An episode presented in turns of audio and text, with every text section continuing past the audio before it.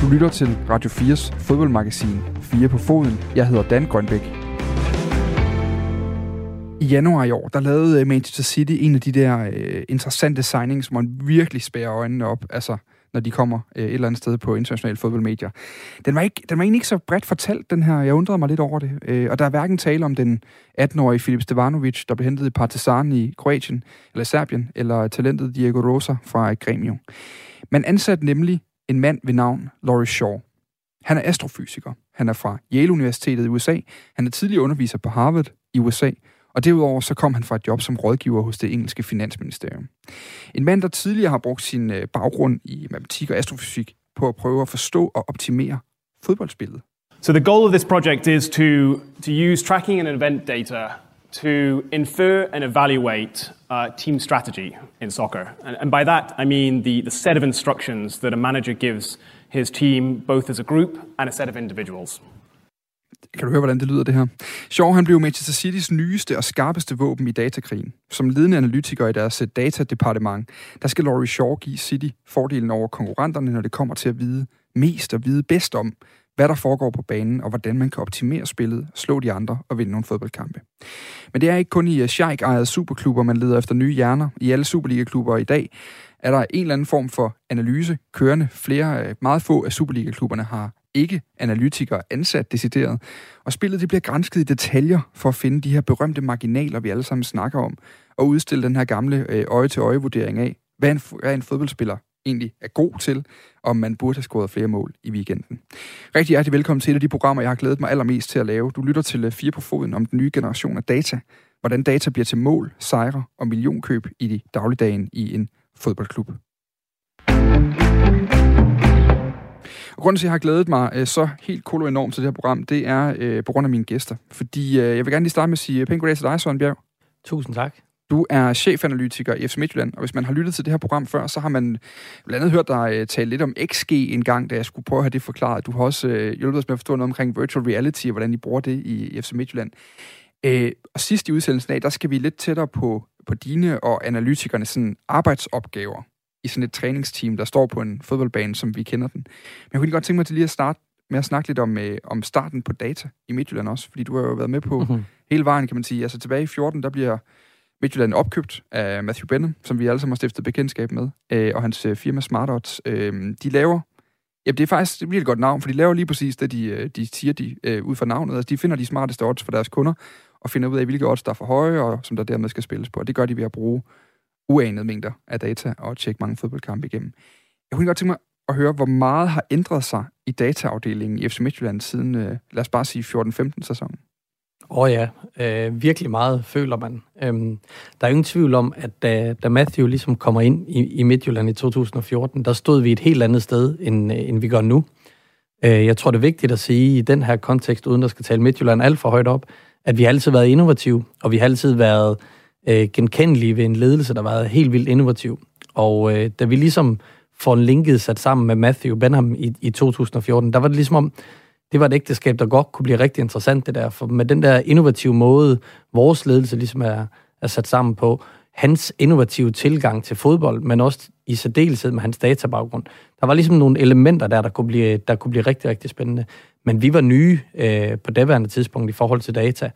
Og meget af det, der ligesom er sket siden da, er jo indiskutabelt noget, som, som Matthew har lært os, og måske også fået os til at få øjnene op for nogle ting. Øh, nogle processer, der er blevet effektiviseret i en voldsom grad øh, ved brugen af data, men, men i lige så høj grad prøve at se øh, det objektive i det subjektive fodboldspil, som, som jo er svært for os alle sammen. Vi elsker at, at have følelserne i fodbold. Øh, vi elsker alle sammen at, at, at dele begejstringerne, men også dele glæderne, når, når vi går grædende væk fra stadion. Og der hjælper den objektivitet, der kan ligge i data, den, den kan nogle gange godt hjælpe os til at have et mere nuanceret øh, syn på det. Så, så der er sket meget. Øh. Og du, er du er jo så chefanalytiker i dag i Midtjylland, hvis man kigger sådan øh, på position. Øh, du, du, har, du er træner fodboldtræner af baggrund, kan man sige. Du er jo ikke øh, øh, astrofysiker, som øh, vores øh, ven Laurie Shaw fra Manchester City for eksempel. Altså, hvad var, hvad var data i, for jer i Midtjylland i 2014-15 stykker, og hvad er data i dag? Altså, hvordan har det begreb ændret sig på en eller anden måde? Kan man tale om det? Ja, det kan man sagtens tale om. Øhm, I 2014, da Matthew kom ind, løb jeg rundt og var U17-træner i, på Akademiet i Midtjylland. Øhm, så for mit vedkommende var data egentlig ikke noget andet, end at vi lavede nogle forskellige målinger og prøvede at tælle lidt op på nogle forskellige ting, både når vi trænede og spillede kamp på daværende tidspunkt på U17-holdet. Så øhm, altså, det, det, er en, det er en helt anden verden. Altså, det, det kan man slet ikke forholde sig til. Øhm, og noget af det, vi måske kan vende tilbage til, det er det der med, hvordan man bruger øh, data er jo mange ting. Altså, det er også videodata og kombinationen af eventdata og videodata, alle de her ting. Øh, men på det tidspunkt var det meget sådan mere øh, delt op i nogle forskellige i kasser, om man vil. Øh, videoevaluering, videodata for sig, øh, data i rekrutteringsøje med for sig, hvor nu er det meget mere sådan en, en flydende organisme, der ligger under øh, hele fundamentet i klubben. Og så kan vi også, øh, eller jeg kan også byde rigtig hjertelig velkommen til dig, Christian Kaiser. Mange tak. Du er præstationsanalytiker i Team Danmark, og øh, når man lige læser lidt op på dig, så har du nærmest hjulpet øh, Gud og hver mand i dansk elite. Altså, det er lige fra Pernille Blume til øh, håndboldkvinderne, som har fået en hjælpende hånd til på en eller anden måde at, at integrere data i, i træning og, og udvikling jo også. Øhm, jeg kunne egentlig godt tænke mig lige starte med at sige, her der skal vi jo fokusere benhårdt på fodbold i den, i den næste times tid, men, men hvor meget fodbolddata kan egentlig bruges øh, uden for fodboldens verden? Altså, hvor meget, hvor meget data er bare data? Man kan jo sige, at, øh, at fodbolddataen eller fodboldverdenen er jo et, lige et, et skridt eller, eller fem foran øh, mange af de andre sportsgrene, øh, både på grund af noget økonomi, men også på grund af den kommercialisering, der, der eksisterer. Og det gør, at mange af de trends, som, som skete, eller de ændringer, som skete for 4-5 år siden øh, i, i fodboldverdenen, de begynder så småt at øh, have sit indtog i, øh, i andre sportsgrene. Og vi bruger øh, de, nogle af de samme datakilder, som, øh, som det blev nævnt tidligere. Øh, vi bruger både eventdata og trackingdata, men vi, vi måler jo også vores, vores atleter i, i andre henseender i forhold til, til sundhed og i forhold til well-being osv. Men lige i forhold til til det taktiske data, der er det primært uh, tracking og eventdata, vi, vi benytter i, i andre sportsgrene. Og hvis du sidder derude allerede nu og tænker, tracking data, event data, video? Altså, hvordan skal vi finde rundt i det hele? Det, det kommer vi til lige om lidt, for jeg har præcis de samme spørgsmål som dig, så jeg skal nok få, øh, få hovederne her i studiet til at svare på, hvad der er op og ned, og hvordan man spotter det forskellige. Øhm, jeg kunne egentlig godt tænke mig lige at, at, at spørge dig, Christian, inden vi går videre om, altså, hvilken sportsgren har været sværest, eller sådan, hvilken idrætstype har været sværest at implementere data i? Altså, er der noget, der er, er meget svært at, at, at, at, at trække øh, objektive fakta eller data ud på? Jamen, det er helt klart uh, sports, uh, sportsgrene, som er holdbaseret uh, eller meget taktisk præget. Uh, sportsgrene som, som svømning og roning og kajak, uh, banecykling, som vi også arbejder med, der er der sådan de her A til B sportsgrene, der er et, et begrænset uh, subjektiv uh, involvering eller interaktion uh, med det, og det gør, at, at uh, de er nemmere ikke nemme, men de er nemmere at, at, at opsamle noget objektiv uh, viden på. Hvorimod at uh, håndbold og, og badminton, hvor der er en, en part, som kan gøre noget ved din ageren, eller gøre noget ved vores ageren. Øh, der, er det, der er det sværere. Der kommer også en masse øh, spilforståelse og kreativitet og de, de elementer i spil, som gør det noget nemmere at kvantificere. Og øh, det bliver altså lige introen på dagens program. Vi skal i første del af programmet lige om lidt øh, prøve at forstå, hvad det egentlig er, vi snakker om. Altså data i fodboldens verden, det er blevet et øh, fænomen, man ikke længere kan komme udenom.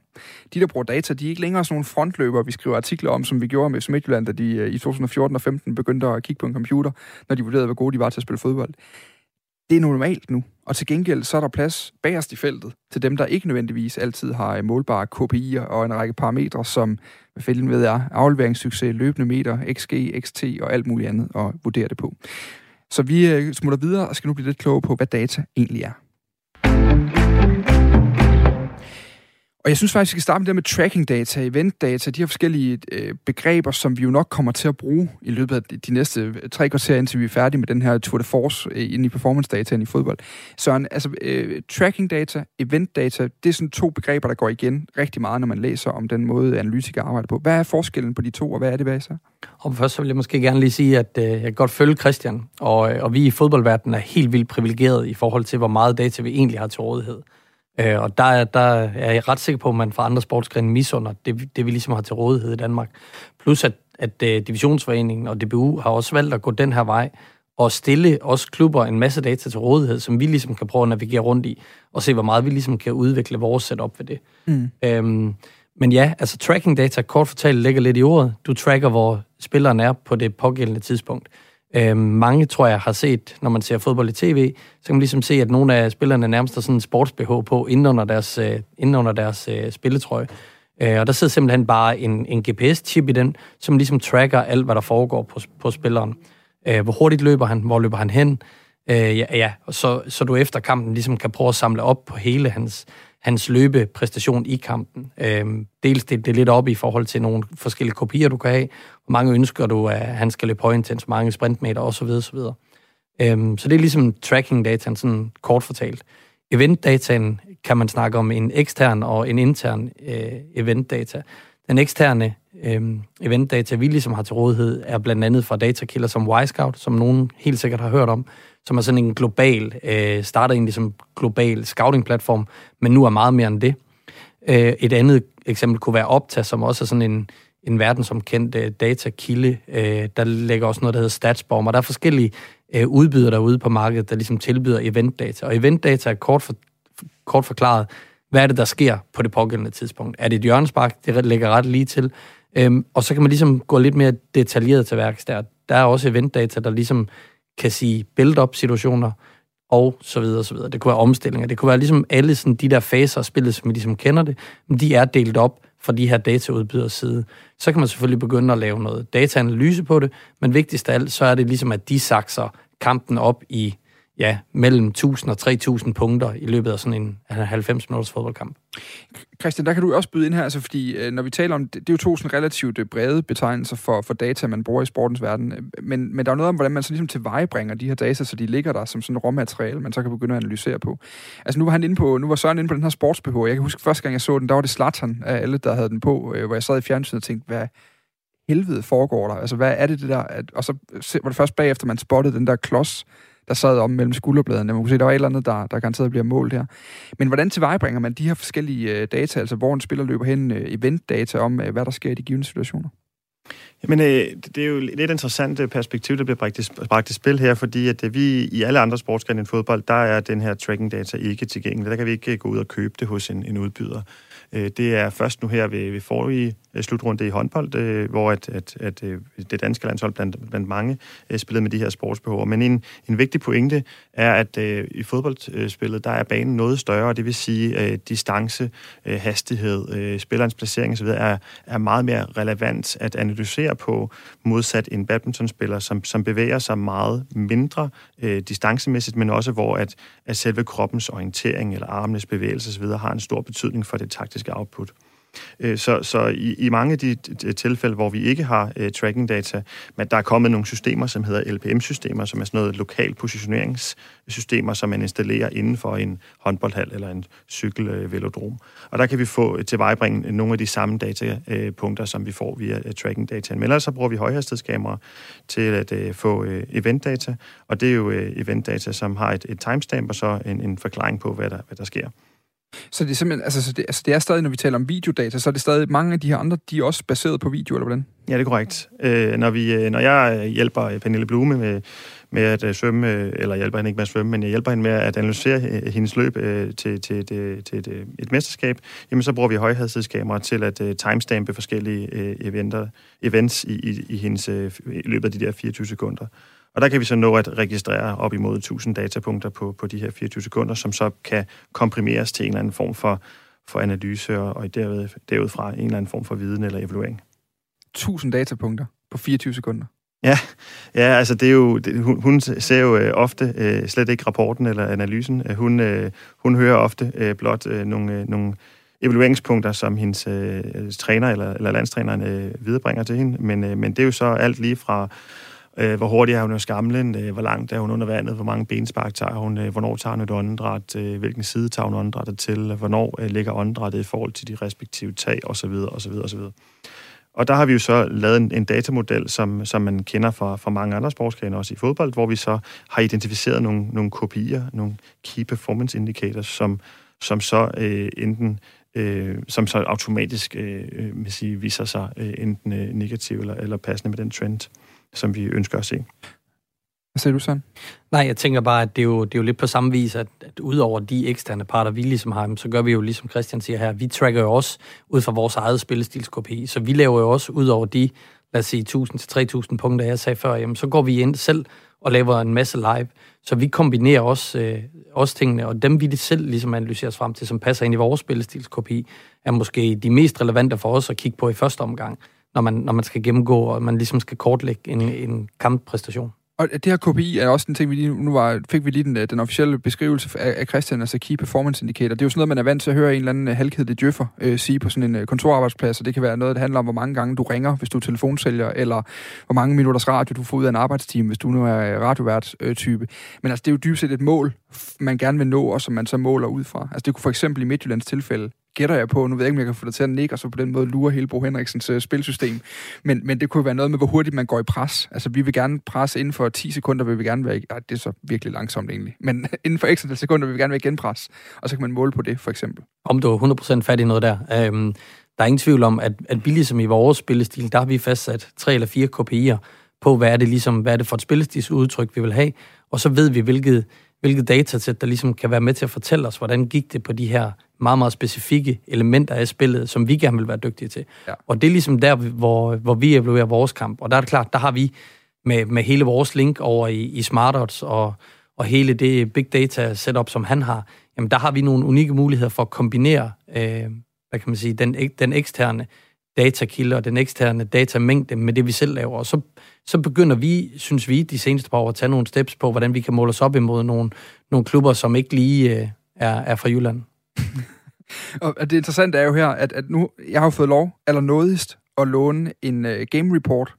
Jeg ved ikke, om det var, fordi det var Silkeborg-kampen, hvor det kørte ret godt. Det kan godt være, det er det. Jamen, lad os bare sige det. øhm, men en game report, som egentlig er den, du printer ud også, går ud fra, øh, og kigger på efter en kamp, for at se, om I, I levede op til nogle ting. Udover der er så helt usandsynligt mange forkortelser, at jeg aldrig nogensinde kommer i nærheden af, at jeg sådan rigtig at kunne afkode det her. Det er sådan lidt øh, sådan decifrering under verdenskrigen, man skal i gang med for at forstå det sådan endeligt, tror jeg. Så er der jo, øh, den består af grafer.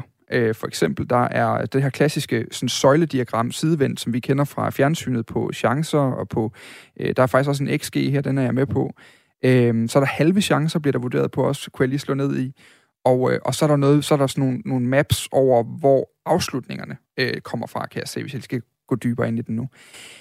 Den her rapport her, hvor, hvad, hvad, er det, hvad er det vigtigste, når du kigger i den? Fordi for mig er det jo en bunke tal, men, men hvor meget fortæller den der om den fodboldkamp, der er blevet spillet sådan?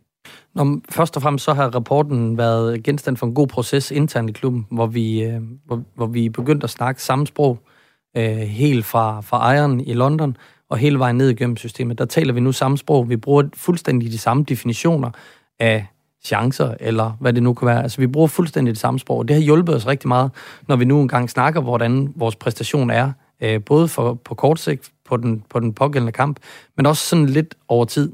Ja. Øhm, og det er ligesom det andet, jeg vil sige, når, når vi kigger ind i rapporten, jamen så dels, så, så vil vi selvfølgelig gerne vide, hvordan øh, gik det mod Silkeborg, hvad, hvordan gik det på vores kopier der. Men vigtigst af alt, så har vi brug for over tid at prøve ligesom at track vores præstation, så vi også ligesom kan se, hvilken retning er vi er på vej i. Øh, og det kan være sådan alle bidder af spillet, alle øh, faser af spillet, hvor vi ligesom har et, et ret godt indtryk ved hjælp af vores data, prøve at se, jamen er vi på vej i en dårlig eller en god retning? Øhm, og i så fald, hvad er det så for nogle steder, vi ligesom skal sætte ind? Men, men igen, altså, fordi det er interessant det her, jeg synes, det er virkelig interessant det med at tale det samme sprog. Fordi, øh, Christian, det er måske også noget, du kan relatere til, når du kommer ud til svømmeforbundet, eller til øh, håndboldforbundet, og skal arbejde med nogle landshold, eller med nogle, øh, med nogle topatleter der, så, så er du jo ikke, du er jo ikke svømmetræner. Du er heller ikke håndboldtræner. Altså, så du har ikke nødvendigvis den faglige baggrund for lige nødvendigvis at gå ind og fortælle Mikkel Hansen, hvor i målet han skal sætte den øh, bedst på Mie, eller øh, hvornår Pernille Blume hun skal hoppe af blokken, fordi så, hun, øh, så går det bedst efterfølgende. Altså, det her med, at data kan give et fælles sprog i en organisation for, hvordan man beskriver en præstation, er, er det måske i virkeligheden en af de vigtigste pointer omkring data? Jamen det, det er helt sikkert en, en øh, vigtig øh, pointe at kunne forstå øh, sportens eller idrættens øh, dynamik, og, og derfor så bruger jeg også øh, altid øh, rigtig lang tid øh, i opstartsfasen med, med et forbund til at, med at forstå øh, trænerens øh, retorik eller forbundets øh, Øh, kan man sige, kopier. Hvad er det, vi kigger efter? Hvad er det, vi ønsker? Men jeg ser også, at der er en masse synergier, som jeg kan øh, bringe i spil fra forbund til forbund, fordi ofte så bliver vi også fanget af, eller optaget af de, egne, de hypoteser, som vi selv har skabt. Så der kan eksistere en eller anden form for, i fodboldkonteksten kunne det være en eller anden spillestil, og så ønsker vi, at, at at søge efter, at den kopi eller den, øh, eller den kopi bliver, bliver efterlevet. Det kunne for eksempel jo være, nu hiver jeg bare en direkte ud, det kunne være, at Soikaba brænder alle sine fodboldchancer, eller alle sine målchancer foran mål. for eksempel. Det kunne det være. Og så, så næste gang han brænder en chance, så siger vi, haha, jeg havde ret. Øh, det passede med vores, øh, vores øh, hypotese. Men det jeg egentlig vil, vil, vil tilbage til, det er, at, at man, man har sådan to øh, termer eller to måde, metoder inden for, for præstationsanalysen. Det er sådan data as a product eller data as a service. Og, og der er, og, men det skal forstås, at data as a product er netop sådan en mere deskriptiv øh, unidirectional øh, vej fra analytiker til træner. Det vil sige, at der kommer ikke så meget sparring tilbage, og analytikeren egentlig leverer egentlig mere et produkt, som træneren kan dykke ned i og undersøge. Mm. Øh, og det er sådan den klassiske måde, og det er også sådan, den måde, som, øh, som øh, jeg kunne for, for, forestille mig, det var i FC Midtjylland på 17-holdet for, for 5-6 år siden, hvor det var mere, kan man sige, vi registrerer nogle ting, og så prøver vi at kigge på nogle tendenser. Og der, hvor kan man sige, at man så bevæger sig hen imod, jamen, det er så det her data as a service, hvor at analytikeren bliver en mere integreret del af, af, hvad hedder det, af trænerstaben. Og jeg synes, det var meget interessant, øh, øh, hvis I lagde mærke til på det danske landshold, da vi spiller på udebane mod øh, Gibraltar. Øh, der er, er det øh, Uke Harreide, der er ryg, har rygproblemer eller sådan noget, tror jeg det er. Og øh, Munir, som er øh, Munir Akiat, som, som øh, var analytiker på det tidspunkt, han bliver hævet ned på, på bænken og agerer en assistenttræner. Og for mig var det et udtryk for, at der var der er en, en, en integreret del af trænerstaben, og er ligesom en sparring eller en strategic advisor, kalder man det på, ja. på, på, på, på, på klassisk sprog, men, men hvor det bliver mere sådan en, en, en, en sparringspartner eller en personlig assistent. Og det er faktisk også den rolle, jeg ofte øh, gerne, eller den, den jeg tager øh, ofte, det er, at jeg beskriver mig selv som sådan en, en pers- personlig assistent eller personlig dataassistent for landstræneren. Men det tager noget tid, og det kræver også tillid øh, fra træneren mod analytikeren, at, at vi er øh, sige, afstemt på, på terminologi. Mm. Og vi kommer tilbage til, til hele rollen, fordi det er lige præcis der, jeg virkelig gerne vil suge på meget af din viden, øh, Christian, i forhold til, hvordan man agerer og får sørge for, at træneren, uanset om han hedder øh, hvad ved jeg, øh, Brian Priske, eller om han hedder Kent Nielsen, så forstår han det output, man vil give ham fra analysen, og hvad han kan bruge det til på, på fodboldbanen. Men så, nu, altså, der, det var selvfølgelig en joke med Soy Karpa, men det var måske egentlig også et meget godt eksempel på det her med at tale samme sprog. Altså fordi fodboldverdenen lever jo af, af hypoteser, som Christian kalder det, af eksperter, kommentatorer, journalister, der beslutter sig for, at en angriber er dårlig. Han scorer aldrig på sine chancer. Han står ikke de rigtige steder. Han, alt de her ting her, som man jo vurderer ved øjet. Øh, vi kan finde et, øh, en, en kliprulle så lang af en given angriber, eksempelvis Zoe Kabar, som brænder chancer, og så kan det skabe det den her forståelse af, når man han scorer aldrig. Og så hænger det også ved på en eller anden måde. Hjælper, hjælper den der analyse også til at kunne, øh, at kunne vurdere det på et... Øh, tidligere der var du lidt inde på en, der var en, en, en formulering af hæftet, hvor du siger, at den objektivitet, der ligger i data. Altså, er det også noget der?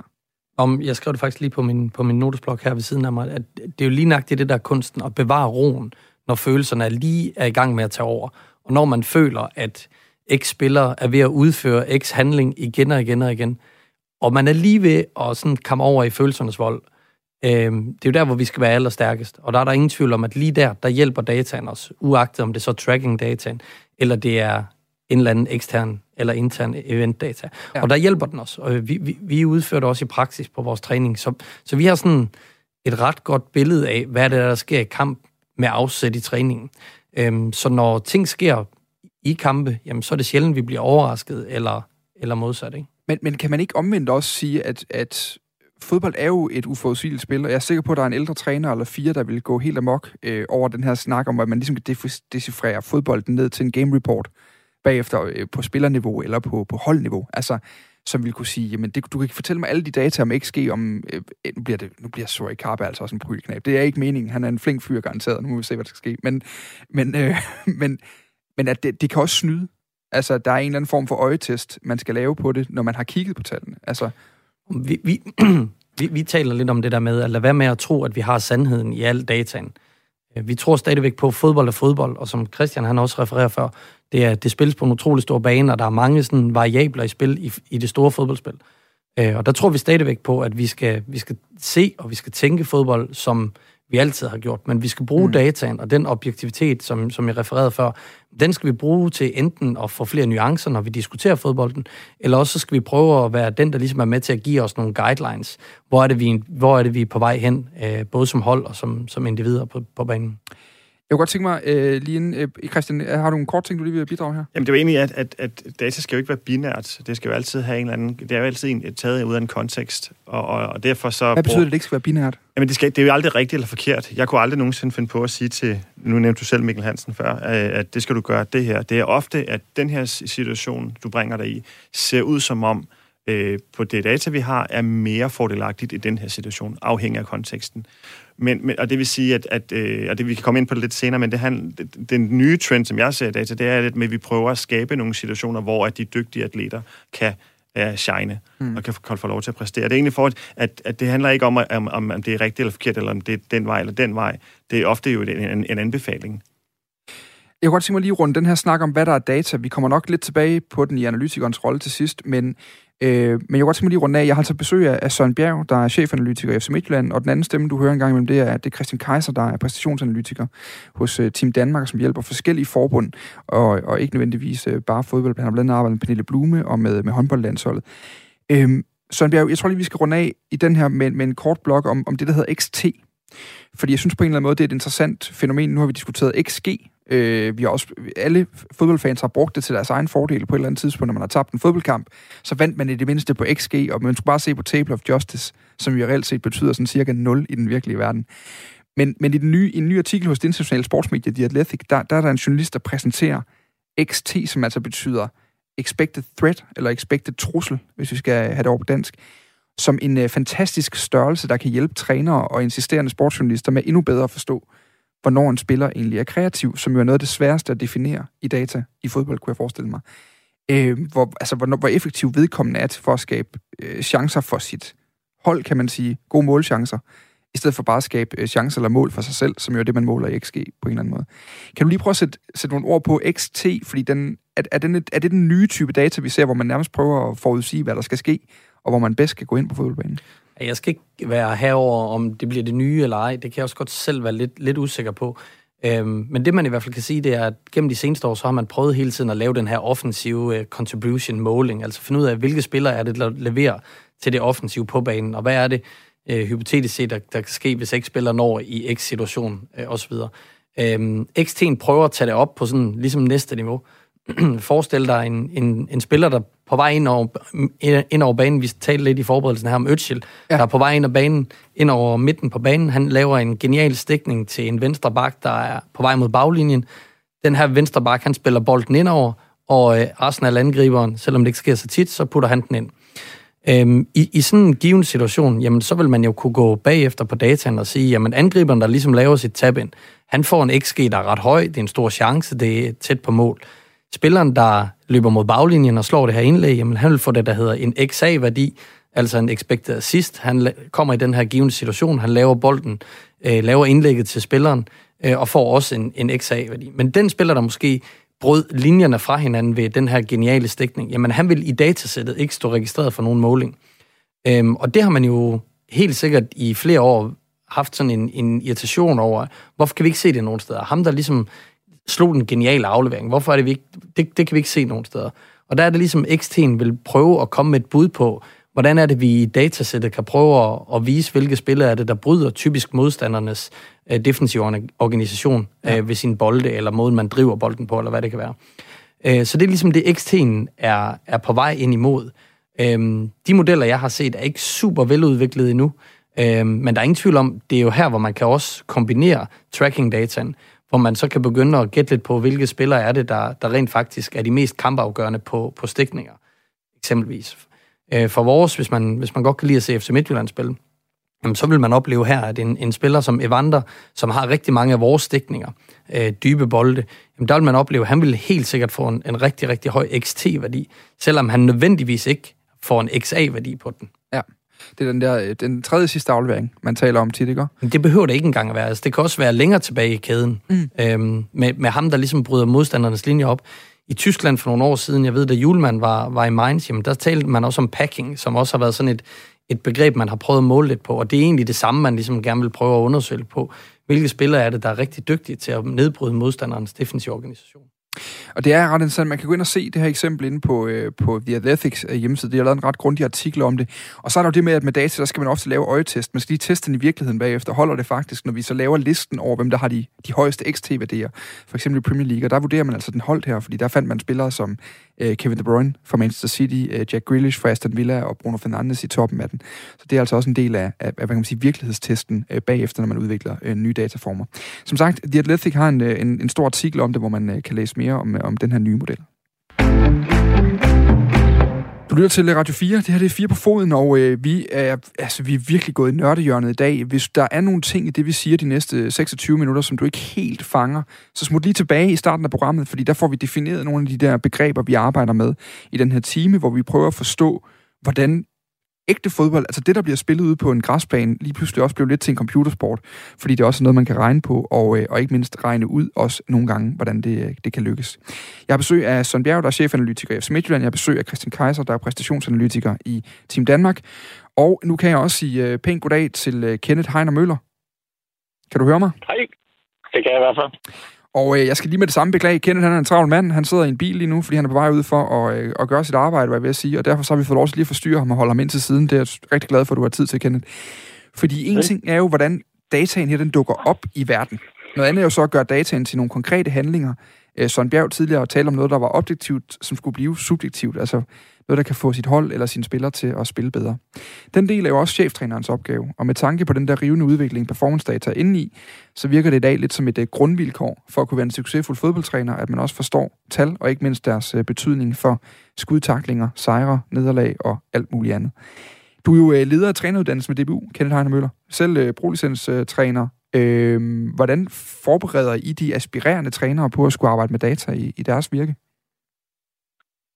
Jamen først og fremmest så, så forbereder vi dem selvfølgelig på, at de øh, jo ikke står med det hele længere. De har et øh, væld af eksperter rundt omkring dem, øh, som øh, både er fysiologer og har, har styr på, på data science øh, osv. Så det er også at navigere rundt i, i det felt og sørge for måske ikke kun at blive overvældet af, af tal og grafer og, og kurver, men også være god til at stille de rigtige spørgsmål til dem, der nogle gange sidder inde med viden, dem, der nogle gange er eksperter. Øhm, for nogle gange så kan man jo blive bombarderet, øh, og det er alle de eksperter, man nogle gange sidder med, øh, hvor det måske er en, en god idé nogle gange at, at formulere de spørgsmål, som man godt kunne tænke sig at få svar på. Og, og hvad er de gode kritiske spørgsmål til der? Fordi nu, nu er vi jo lidt ude i sådan noget, hvor jeg nærmest som journalist øh, kan lære en lille smule. Altså, hvad er det, du prøver at lære dem der? Jamen, det er jo nogle gange, så, som, som du også har hørt lidt, både fra, fra Rasmus og Christians side, altså alt kan jo måles, øh, alt kan, øh, kan få tal øh, og så videre, og, og som træner, der kan man jo få al den tilgængelige øh, indsigt i data, Øh, men det er jo ikke altid, at, at øh, det på den måde skaber et overblik for træneren. Og der skal man være med til at sige, for eksempel, øh, hvordan kunne vi med de spillere, og det synes jeg er væsentligt øh, også at sige, med de spillere, vi har til rådighed, øh, være med til at sætte dem i de bedste positioner. Fordi det, som, som vi også har været inde på tidligere i forhold til XT og, og så videre, de, de der afgørende pasninger og dem, som er med til at skabe Øh, de farlige situationer afhænger også af, om den, der nu engang løber dybt, også har farten i fødderne til at komme ned. Så der er mange sådan, sammenhænge, der også er vigtige for en træner at forstå, så de ikke bare udelukkende bliver øh, hvad kan man sige, datadrevet i deres beslutninger. Og, og det her med datadrevet, det ved jeg, det er jo, det er jo lidt en, en, en, i hvert fald da vi to talte sammen på forhånd, jeg lige ringede til dig for, for at blive lidt klog på det, der sagde at det er farligt at blive datadrevet. Man skal i stedet være datainformeret. Hvad, hvad er forskellen på de to ting, og, og hvad er faren egentlig ved at være datadrevet i de her tider, hvor det jo nærmest er et, det er jo nærmest et argument for, at, øh, at ejere går ind i klubber, at man kan bruge dataen? Men altså, nu har du to fantastiske folk i studiet med Søren Bjerg og Christian Kaiser, som jeg kender udmærket begge to øh, som jo er, er gode til at også fortælle, hvad de kan. Og det synes jeg også er vigtigt. Men vi kommer også ind på det her med, med Wisecout og nogle af de her eksterne, øh, som er med til at analysere kampe øh, langt ned i rækkerne. Hvor at øh, indimellem, hvis man tager øh, de data, de stats for, for gode varer, uden at være en lille smule kritisk over for det, og sige, jamen de, øh, øh, de data, som de måske får frem, at er det egentlig også det, som jeg ser, når jeg skiller min kamp ad? Øh, så man også hele tiden er med til at sætte noget, noget kvalitet på, på, på kampe udelukkende, og ikke udelukkende bruge, bruge kvantitet og data øh, osv. Det, det synes jeg er, er vigtigt, og det er det, vi prøver at give videre til, øh, til træner. Øh, træner skal jo tage deres øh, beslutninger på de bedst oplyste grundlag, og der er så mange efterhånden, øh, som, som kan måle det hele. Tidligere har det bare været fysiologer, øh, og nu er det også på, på events, og der skal man være god til som træner øh, og få de svar frem, som man nogle gange gerne vil have, med de spillere, man har på den måde, man nogle gange vil spille. Hvor meget, altså hvor stor en udfordring er det at undervise det her i øjeblikket på en træneruddannelse for eksempel? Fordi som vi sidder og taler om her, så opstår der nye øh, datakilder, der opstår nye modeller, man kan regne på forskellige ting i fodbold. Altså udviklingen går rigtig hurtigt. Er det, er det noget, man kan inkorporere i det hele taget i en træneruddannelse på en, øh, på en fornuftig måde? Nej, jeg vil det korte svar. Øh, men på en fornuftig måde tilføjer du, så det vil jeg sige, jo, det kan vi godt. Altså, vi kan jo gøre opmærksom på det. Det, jeg synes, der er en stor del af det, er også at, at blive uddannet som træner, det er, at man, man kan få, øh, hvad kan man sige, øh, yderligere, øh, yderligere øh, videnskab, yderligere forskning på området. Få nogle artikler, hvis man interesserer sig yderligere for, for det her. Fordi vi kan jo ikke øh, på en træneruddannelse gør alt til, til fysiologer, alt til psykologer, øh, alt til dataloger og slet ikke til, øh, til astrofysikere. Øh, men vi kan sørge for, at de i hvert fald kender en lille smule til det og er, er gode til øh, igen at stille de her spørgsmål. Altså man skal være god til som træner at, drage, at tage beslutninger på baggrund af de informationer, man nogle gange får fra sine specialister. Så der skal man være god til at gøre sit grundarbejde. Du har to rigtig gode i studiet. Øh, der er sikkert også nogen, som ikke kan være så, så gode til også at sige, som, som Christian også rigtig sagde, at øh, noget af det er jo bare information. Det er ikke til at, at sige til en træner eller til en spiller, øh, jeg har det her data, du bliver nødt til at tage nogle andre, andre beslutninger. Mm. Men man kan sige, jeg har, jeg har øh, observeret det her, jeg har de her data, det er taget ud til at, og det kan man også sagtens gøre med en træner, gå i en dialog med en træner omkring. Aller sidste ting, så skal jeg nok lade dig slippe, så du komme videre øh, afsted, øh, Kenneth, men, men øh, gør vi nogle gange data til mere end det er? Altså, øh, øh, altså er det overhovedet noget, man er, man er nødt til at arbejde med i det omfang? Kan man godt være en succesfuld fodboldtræner uden? Øh, jeg tror i hvert fald, at data, de kan, de kan skaffe øh, de her ekstra øh, promiller, øh, måske endda procenter, der kan gøre en, øh, en forskel. Og det er også derfor, vi ser øh, de store klubber investere i, øh, i, i nogen, som har en, en uddannelse, en viden og en indsigt øh, i, øh, i et randområde af, hvad fodbold øh, det nogle gange er. Øh, men når man bevæger sig en lille smule længere ned i, øh, i systemet, øh, så vil jeg sige, at det er en, en god ting at, at have, have kendskab til. Men det er måske der, hvor man hellere skal gøre rigtig meget ud af at lave den fedeste øvelse ude på, på træningsbanen, som faktisk kan optimere et mulighed for, at spillerne udvikler sig, og holdet udvikler sig på sigt, eller de måske får et resultat i weekenden. Øhm, men der er ingen tvivl om på øverste hylde i, i, øh, i Danmark, så sandt også i udlandet. Der er det en, en væsentlig del af det her at blive, øhm, at, at blive bedre og bedre. Um, og og der, der er det simpelthen en, øh, en nødvendighed. Men, men andre steder, øh, der vil jeg sige, der, der, er det, der er det ikke nødvendigt. Kenneth Arne Møller, altså leder for træneruddannelsen ved øh, DBU. Rigtig god køretur. Tak skal du have. Tak fordi jeg måtte forstyrre dig. Det var så lidt.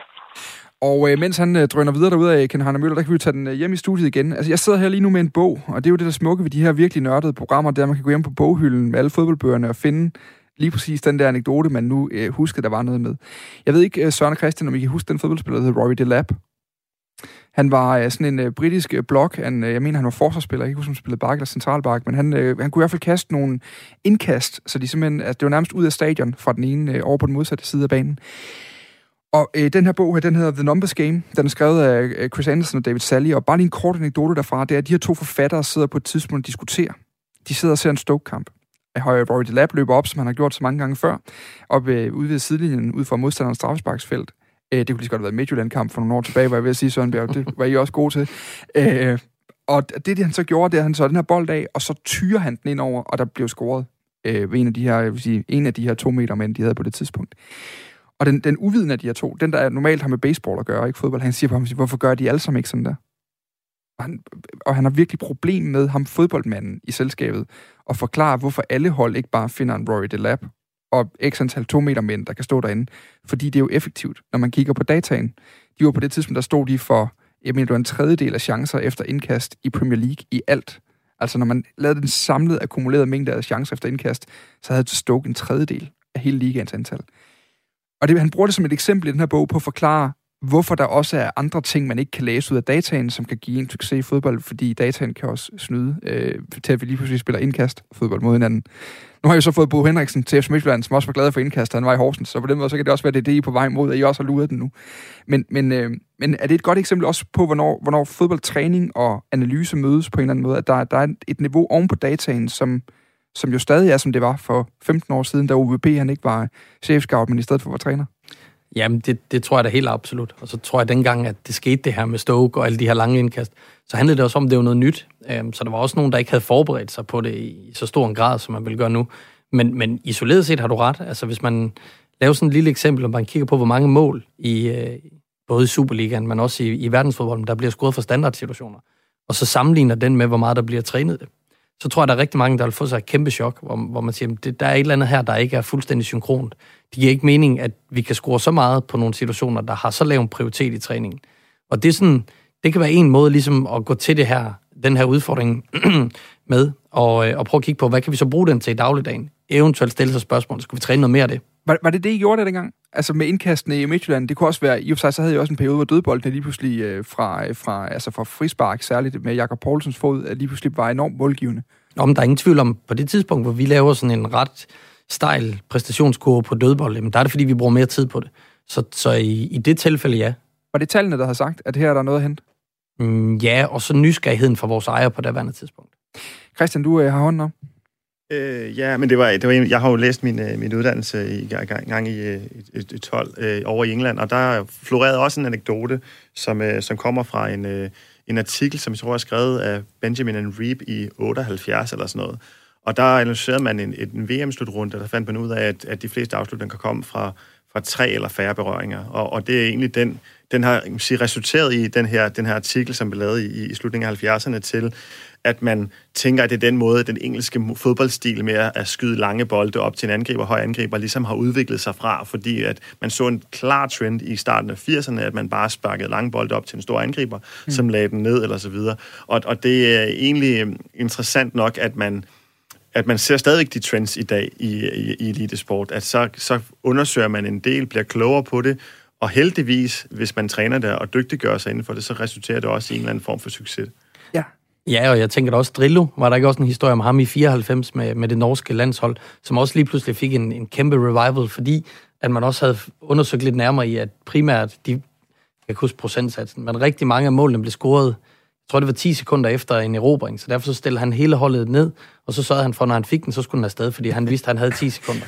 Men det, det er jo sindssygt interessant det her, fordi vi skal faktisk netop til at tale om analytikernes rolle nu. Og jeg forestiller mig, hvis I to, og det vil også være et sindssygt analytiker, jeg holder her på et givet Superliga-hold, men lad os sige, I to kommer ind i lokalet, jeg sidder som træner, og så fremlægger I et tal for mig, der hedder, at de fleste mål i Superligaen, de bliver scoret øh, inden for tre berøringer. Så er der jo forskellige veje at gå med det tal. Altså enten så kan man sige, godt, to meter mand op foran, så tyrer vi den op i hovedet på ham, det vil sige en berøring ned i forsvaret, en berøring på hovedet, og så er der mål. Eller også så kunne man jo gå i sådan en, en nærmest sådan en Barcelona-retning med tiki-taka, så vi skal have enormt mange afleveringer, men det skal være mange førstegangspasninger, fordi så kan vi skifte tempo i spillet, som vi har lyst af og til. Altså, der er jo forskellige veje at gå. Er det, er det egentlig også, øh, det kan måske netop være det gode eksempel på, hvornår noget objektivt, altså inden for tre berøringer, bliver til noget subjektivt, som kan resultere i forskellige spilstil? Ja, det, det, det kunne sagtens være en pointe. Jeg tror nu, at man til enhver tid vil prøve lige at kigge lidt på, hvilke spillermaterialer har man til rådighed.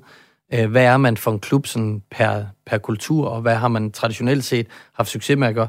Jeg tror, at man, man vil starte der, i stedet for at kigge på, hvad er det for nogle mennesker, du har med at gøre, og hvor tror vi, vi kan flytte dem? Øh, I hvilken retning tror vi, vi kan flytte dem? Øh, mm. Det tror jeg vil være et bedre sted at starte end det andet, men det er sådan en personlig ting. Ja, man skal også huske, jeg, jeg kommer heller ikke som ind i, i min rolle som med, med en akademisk baggrund eller en talbaggrund. Altså, jeg er gammel skolelærer og er uddannet folkeskolelærer og har undervist i folkeskolen.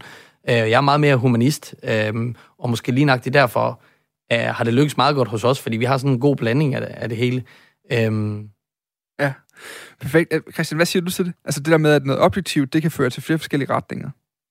Men det, øh, jeg, jeg, øh, jeg kommer til at tænke på det første spørgsmål, jeg stiller en, øh, en ny landstræner, eller når, jeg, når vi starter et samarbejde, det er, om han tør at træffe beslutninger på baggrund af den nye viden, han får.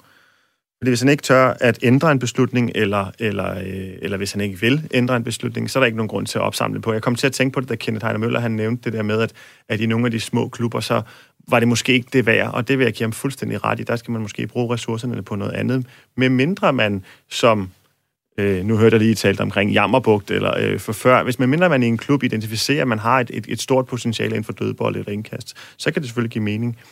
Øhm, men men øh, ellers så, så, er det, så, er det, så er det lidt søgt, tænker jeg. Modtaget.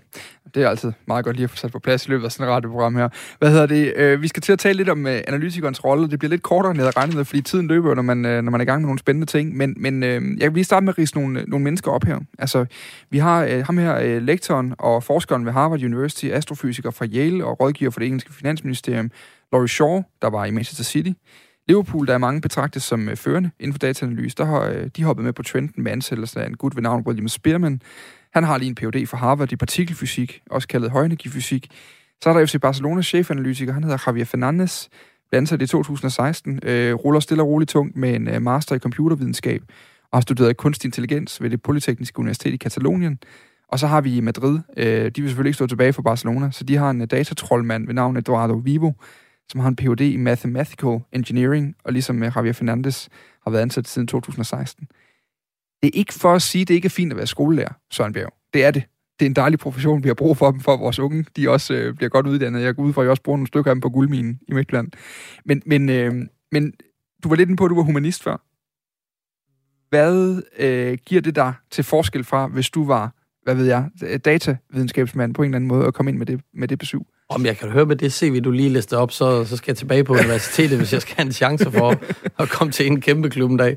Øh, nej, altså, det, det, det ved jeg ikke. Altså, jeg tror, at fodbolden for mig er, er sådan helt personligt. Det er min passion, og jeg elsker fodbolden. Og jeg kan godt se med sådan min sunde fornuft, at der er nogle, der er nogle objektive ting, som kunne være, kunne være interessante, og ligesom bidrage hele vores arbejdscyklus med.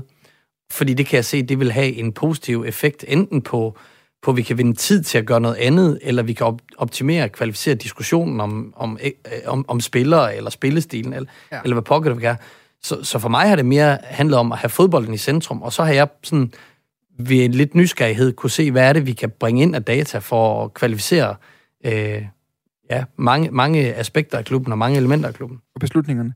Christian, hvad tænker du forskellen er på de to tilgange? Altså den naturvidenskabelige tilgang til det her, hvor du kommer med en, øh, det ved ikke, en PhD eller en master eller en eller anden vild karriere øh, i, i, inden for universitetsverdenen, eller om du kommer med en trænerbaggrund, hvor man ligesom har sporten i centrum.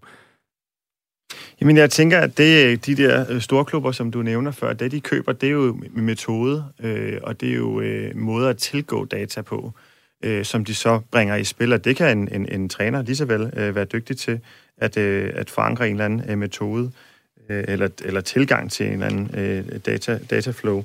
Men, men der, hvor at, at øh, min bekymring ligger, og det var lidt det, jeg prøvede, at, eller det, jeg startede med at sige, det er, at man går for hurtigt over i det her data as a service, at hvis man som øh, træner øh, varetager en eller anden form for analytikerpost, og så ikke kan skille det subjektive med det objektive, der kan jeg se i mit job, nogle gange så har jeg en fordel ved, at jeg ikke selv har været svømmetræner, eller ikke selv har været håndboldtræner. Så kan jeg forholde mig objektivt og kritisk over for den praksis, som eksisterer. Og omvendt, så kan træneren også øh, stille sig kritisk over for min, min metode. Og på den måde er der så ikke, så er der ikke nogen aktier i nogen af lejerne. Så derfor kan det være en, en faglig diskussion, frem for det bliver en, en diskussion om, hvem der har ret. Og, og det siger jeg ikke, jeg siger ikke, det er det, der eksisterer, øh, og det er ikke nogen kritik af, af Midtjylland eller, eller af dig, Søren, men, men det er bare vigtigt, tænker jeg, at når man varetager en funktion som det her, man kan ved, hvilken kasket man har på, medmindre man er en velintegreret del af trænerteamet, og har også den, kan man sige, den, den impact eller det mandat. Det tror, det tror jeg helt afgjort er en god pointe. Øhm, og, og noget af det, der har været vigtigt for os, det er hele tiden at prøve at stoppe op og sige, hvorfor, hvorfor er det, vi vil det her, have det her data ind? I, i, i et givet arbejdsflow, og det har været sindssygt vigtigt for os. Og så tror jeg, du rammer, du rammer meget godt øh, på det her, Christian, og jeg synes også, det er det, som Ken Heine ligesom siger, den der tillid, du skal have i den på, pågældende stab, du arbejder i.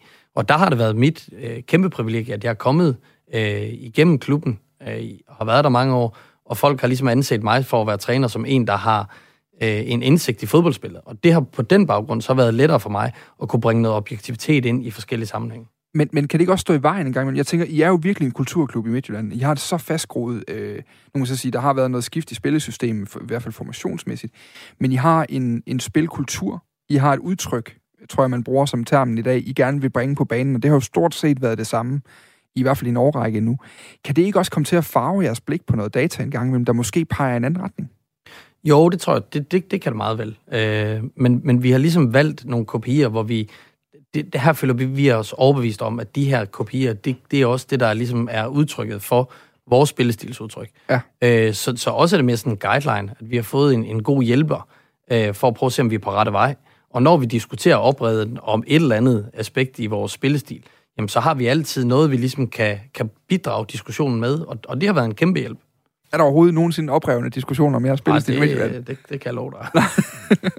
Christian, egentlig lidt samme spørgsmål til dig også. Altså det her med, om, om øh, lad os sige, du kommer ind til en svømmetræner, der har en ret fastgroet idé om, en ting er, om han har, det kan godt være, at han har masser af lyst til at tage imod den data, men hvis den strider imod en filosofi, er det så ikke nogle gange, øh, øh hvad kan man sige, en umulig modstander for, for datagrundlaget af performance-dataen? Jo, jo, absolut. Det er jo, øh, det er jo træneren, der har det sidste år.